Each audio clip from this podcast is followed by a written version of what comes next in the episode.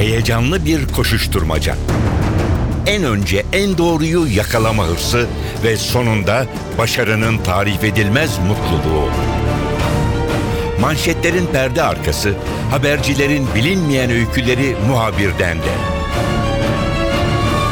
Muhabirden şimdi başlıyor.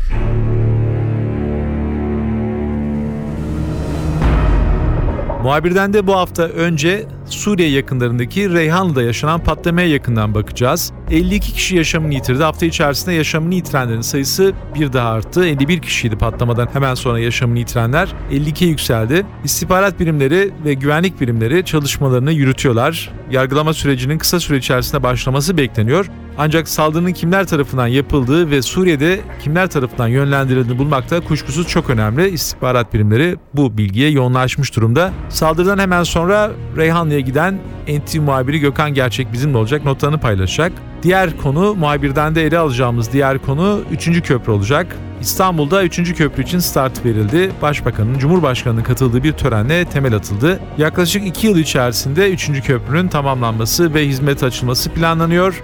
NTV muhabiri Deniz Tüysüz 3. köprü ilişkin notlarını bizimle paylaşacak.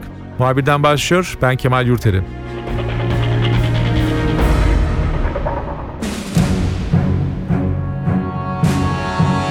Hafta içerisindeki önemli haber kuşkusuz Reyhan'daki bombalı saldırı sonrasındaki gelişmeler oldu yine. Yaşamını yitirenlerin sayısı 52'ye yükseldi. Polis, istihbarat ve devletin bütün birimleri bu saldırının bütün yönlerini ortaya çıkartmak için ellerinden gelen gayreti gösteriyorlar. Patlama ilk olduğunda olay yerine giden muhabirlerden Gökhan Gerçek şimdi bizimle olacak. Soruşturmanın son durumunu ondan öğreneceğiz. Gökhan Reyhan'daki saldırı Türkiye tarihindeki en önemli, en kanlı terör eylemlerinden birisi oldu. Emniyet birimleri de titiz bir şekilde çalışmalarını sürdürüyorlar. Son durum nedir? Hangi aşamaya gelindi? Soruşturma konusunda bize bilgi verebilir misin? Soruşturmada yardım yataklık eden bütün isimlerin e, gözaltına alındığını ve tutuklandığını söyleyebiliriz Kemal ama asli failler Suriye'de e, Suriye'den giriş yaptılar. Bu eylemi gerçekleştirdiler. Türkiye'deki bağlantıları aracılığıyla tabii bunu, bunları yaptılar.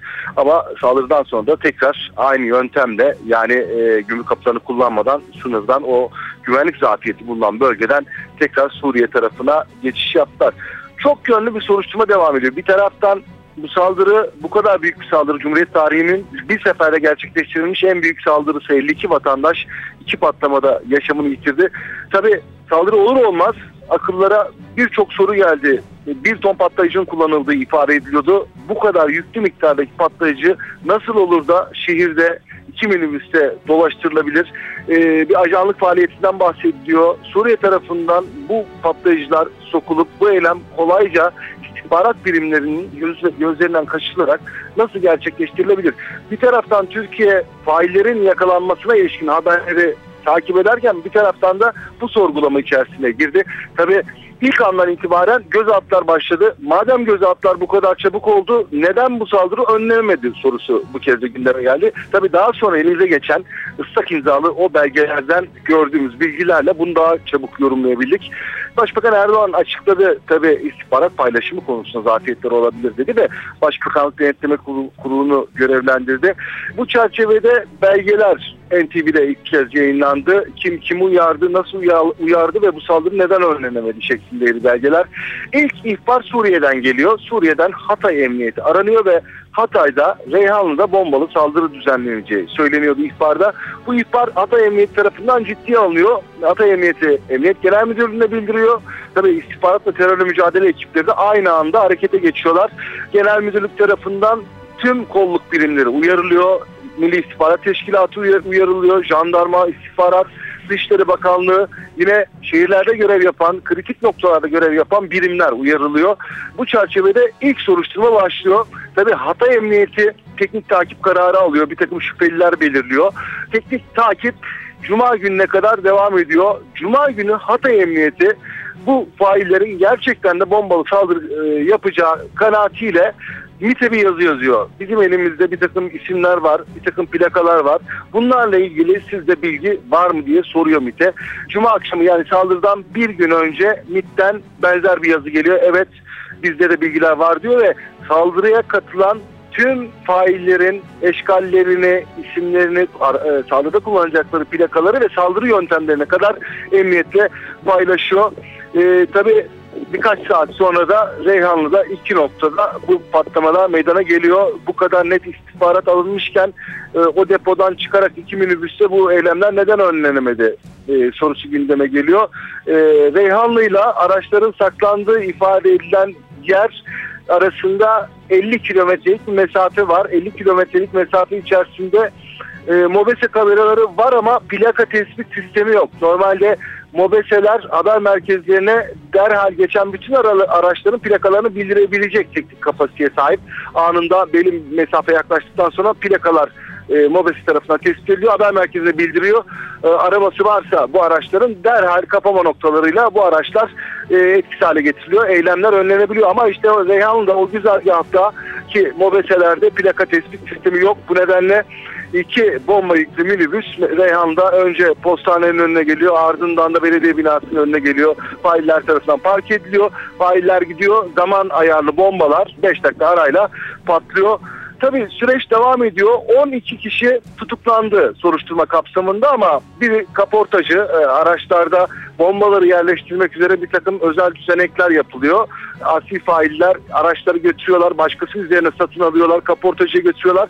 Gerekçelerinde içki kaçıracağız, sigara kaçıracağız diye açıklıyorlar. O kaportacılar da belli miktar ücret alarak e, o bölmeleri gerçekleştiriyor. Gökhan saldırının Suriye üzerinden planlandığı anlaşılıyor. Türkiye'de de kendilerine yardım edecek, yataklık yapacak kişileri bulmuşlar. Soruşturmada ismi geçen Suriyelilerin durumu nedir? Burada önemli olan e, olayın bizzat içinde yer alan yani planlamanın içer, içerisinde yer alan isimler. Yani e, hedef doğrultusunda bu bombalı eylemi planlayan bir isim var Nasıre.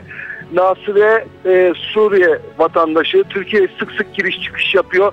Tam 400 kez, kez Cilvegöz sınır kapısından giriş çıkış yaptığı tespit edilmiş saldırıdan önce. Yani e, bir yerlerden talimat almışsa kolaylıkla talimatı alıyor ya da planlamasını yapıyor. Türkiye'ye geliyor, keşif yaptırıyor, keşif yapıyor, eleman buluyor ve bu eylemleri gerçekleştiriyor.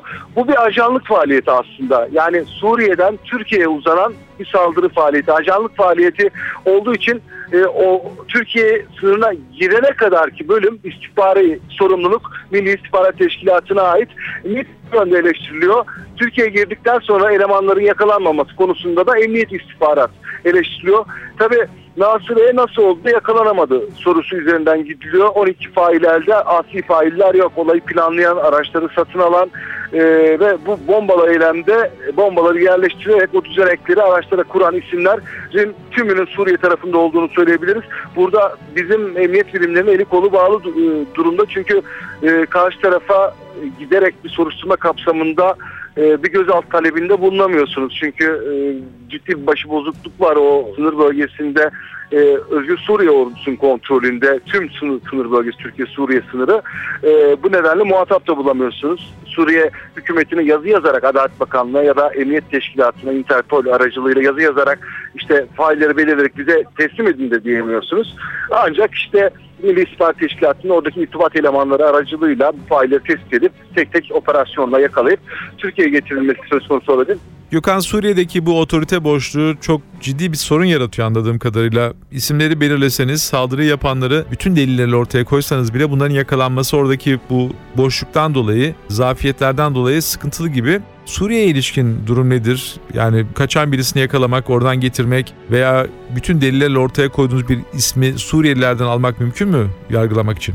Daha önce Cilve Göğsü'nün kapısındaki patlamada hatırlayacaksınız. Failler Suriye kaçmıştı ama sonra bağlantı failler yakalanarak Türkiye'ye getirilmişti. Bu yöntem kullanılabilir. Ee, soruşturma devam ediyor. Ee, çok sayıda yakalama kararı var. Ee, ama bundan sonra daha fazla konuşulacak herhalde. Olay gerçekleştirdi, gerçekleştirildi. Bu sınırdaki güvenlik e, boşluğu nasıl giderilecek? Çünkü üç ayrı sınır kapısı var ama kapılardan girmiyorlar. E, hem Esad taraftarları hem de Özgür Suriye ordusu taraftarları kolaylıkla Türkiye tarafına geçebiliyor. El Muhabberat'ın Türkiye'de faaliyet gösterdiğine ilişkin çok sayıda istihbarat raporu var. Onlar da sınır kapısını kullanmıyor. Farklı kimliklerle giriyorlar. E, hatta Türk vatandaşlarının iç- içerisine kadar karışabiliyorlar. Bu konuda ciddi önlemler almak gerekiyor ve tabii ki Suriye'den Türkiye'ye uzanacak e, tehditlere karşı daha sıkı bir istihbarata da gerek var Kemal. Gökhan Gerçek, Reyhanlı patlamasına ilişkin notlarını bizimle paylaştı. Gökhan saldırıdan hemen sonra Reyhanlı'ya gitmişti. Aradan geçen süre içerisinde soruşturma konusunda önemli gelişmeler yaşandı. Önemli bilgiler kamuoyuna yansıdı. Gökhan da bunların büyük bölümünü NTV ekranlarından bizimle paylaşmıştı. Şimdi bizimle oldu. Gökhan çok teşekkürler. Kolay gelsin.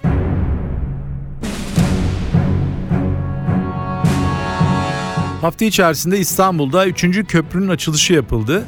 Birinci köprü açıldığı zaman Türkiye için çok büyük bir olaydı. Yıllar önce açıldığı zaman ve Boğaziçi Köprüsü İstanbul'un en önemli simgelerinden birisi haline geldi. Daha sonra ikinci köprü Fatih Sultan Mehmet Köprüsü açıldı. Çevrecilerden de diğer köprüye olduğu gibi tepkiler geldi. Şu an İstanbul için önemli bir ulaşım aracı ancak iki köprüde İstanbul'un sorunlarını çözmeyince sıra üçüncü köprünün yapımına geldi. Ve Cumhurbaşkanı'nın, Başbakan'ın, hükümetin önemli isimlerin katıldığı bir törenle temel atma töreni gerçekleştirildi. Üçüncü köprüye ilişkin bütün gelişmeleri başından sonuna değin NTV muhabiri Deniz Tüysüz izliyor. Deniz şimdi bizimle olacak. Deniz istersen önce biraz geriye gidelim. Köprünün güzergahının seçilmesi bile başlı başına bir tartışma konusuydu. Yapılacaktı, yapılacağı biliniyordu. Ancak nereden geçecek, nereyi nasıl etkileyecek konusu çok önemliydi. O günlere istersen dönelim. Ee, güzergah nasıl seçildi, ee, o dönemdeki tartışmalar nasıldı? Aslında evet köprünün nereye yapılacağı tartışma konusu oldu ee, ama en sonunda Başbakan Recep Tayyip Erdoğan açıklamıştı. Poyrazköy ile Garipçe e, arasında yapılacağını söylemişti. E, o zaman da tabii çevreciler oradaki ağaçların, ormanların yıkılacağını, yok olacağını dile getirmişti. Bununla ilgili de bir takım protestolar olmuştu. E, ancak e, işte köprü yapılır, işte köprünün, üçüncü köprünün İstanbul'a çok gerekli olduğu e, savunulmuştu. İşte e, yapıldığı takdirde İstanbul trafiğinin büyük yükünün oraya kaydırılacağı ki özellikle e, kamyon trafiğinin oraya kaydırılacağı dile getirmişti. E, ve yapılırken de doğaya en az şekilde zarar verileceği e, hatta hiç zarar verilmeyeceği e, söylenmişti ve nihayetinde de geçtiğimiz günlerde şimdiki adıyla Cumhurbaşkanı Abdullah Gül'ün açıkladığı adı, adıyla Yavuz Sultan Selim e, Köprüsü'nün temelleri atıldı. E, aslında uzun bir çalışma bu. Yıllardan beri e, 3. köprünün güzergahı ile ilgili çalışmalar devam ediyordu. Nereye yapılacağı ilk dönemlerde sır gibi saklanmıştı. Ancak daha sonrasından e, yapılan araştırmalar sonrasında bu güzergah yapılacağı netleşmişti. En uygun güzergah olarak orası gösterilmişti. Deniz güzergaha baktığımız zaman İstanbul'un Karadeniz'e en yakın bölgesinde bu köprünün yapılacağını görüyoruz. İki tarafında da küçük yerleşim birimleri var. İnsanlar da orada oturanlar da köprünün ne zaman yapılacağını veya nereden geçeceğini merak ediyorlardı. İşte bir garipçe var, karşıda e, Poyrazköy Evet. var. Orada nasıl bir etki yarattı? O bölgede oturan, o köylerde oturanlar veya o köprünün geçeceği güzergahta oturanlar bunu nasıl karşıladılar? Orada Garipçe köyünde oturanlarla biz e, konuşmuştuk. E, aslında o köyde oturanların bir kısmı yani görüş ayrı- ayrılığı var o e, köyde öyle söyleyebiliriz. E, bir kısmı memnun köylerinin o bölgenin değerleneceğini düşünüyor. Aynı şekilde karşıdaki Poyrazköy'de de öyle. E, işte geçiş güzergahı olduğu için gelenin gidenin e, fazla olacağını işte ev fiyatlarının arazi fiyatlarının artacağını söylüyor ve bu konuda memnun olduklarını dile getiriyor. Ama bir kısmı da kesinlikle böyle bir şey istemediklerini söylüyor. Mesela bir esnafla konuşmuştum ben oraya gittiğimde. Esnaf bana e, orada çok güzel bir plaj vardı ama köprü yapılacak diye e, yıkıldı. Dolayısıyla artık o plaja e, gidemeyecek insanlar ve hani gelip benden alışveriş yapamayacak e, demişti. E, ve daha çok Garipçe köyündeki evlerin tapuları yok. İşte insanlar oraya köprü yapılacağına bize tapu verilsin gibi serzenişlerde bulunmuştu. Ee, bazıları da sessiz kalmıştı. Hani yapılabilir, yapılmayabilir. Ee, bizim için çok bir şey fark etmiyor demişti. Anlaşıldığı kadarıyla insanlar köprünün İstanbul için ne ifade edeceğinden çok kendileri için ne ifade edip etmeyeceğine biraz Evet. yakından bakmışlar. İşte plajı seviyormuş, alışveriş.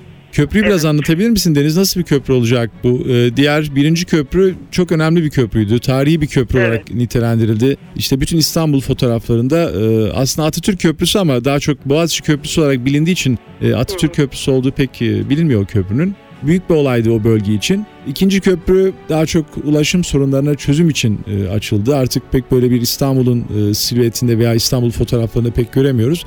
Üçüncü köprüsü tamamen bir ulaştırma amaçlı köprü. İşte transit geçişin e, sağlanmasına yönelik olacak. Nasıl bir köprü düşünülüyor?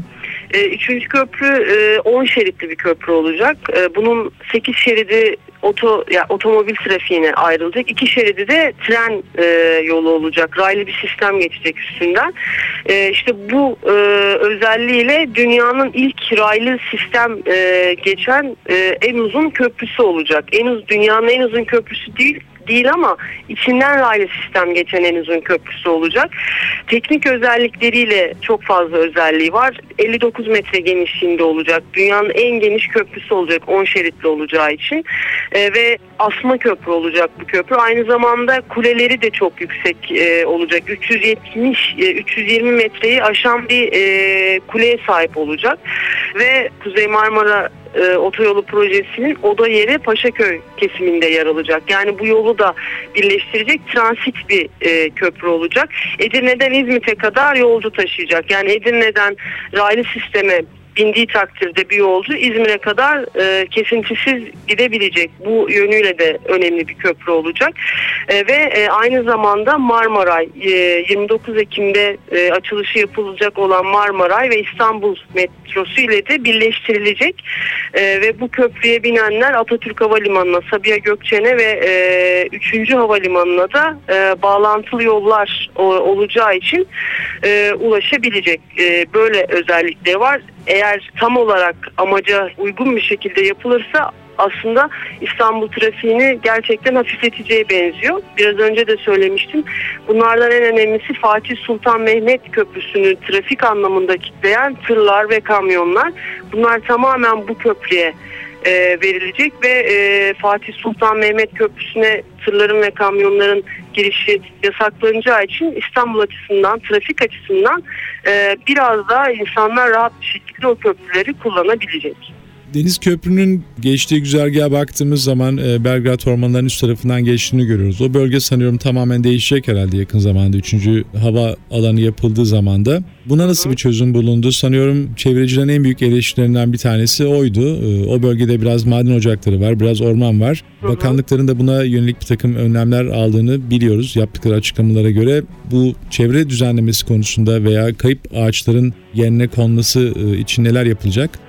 Yani bu çalışmalar başladığından beri şu dile getiriliyor. Yani e, biz çevreye zarar vermiyoruz. Eğer orada ağaçlar varsa ve biz onları sökeceksek e, o ağaçları e, kesmeyeceğiz. Olduğu gibi söküp başka bir yere dikeceğiz şeklinde ve e, 3. Havalimanı'nın yapılacağı alana baktığımızda e, kömür ocaklarının olduğu dile getiriliyor ve aslında çok da verimli e, bir toprak olmadığı söyleniyor. Geçtiğimiz günlerde Başbakan Recep Tayyip Erdoğan bir örnek gösterdi. E, Halic'in temizlenmesinde çıkarılan çamuru Vialant'ın yapılmasında kullandık dedi. E, Türkiye'nin tematik parkı için söyledi bunu. Bu şekilde e, değerlendirmelerimiz var. Çevreyle ilgili hiçbir sorunumuz yok açıklamasında bulunmuştu. Yine şimdi aynı açıklamayı burada da e, yapıyor Başbakan Recep Tayyip Erdoğan ve e, orada kesinlikle çevrenin bir zararı uğramayacağını söylüyor ve hani e, gereken yeşillendirmeler, yeşil alanlarda e, yapılacak yeni yerlerin etrafına kesinlikle tekrardan e, uygulanacaktır diyor. Deniz çok teşekkürler, kolay gelsin.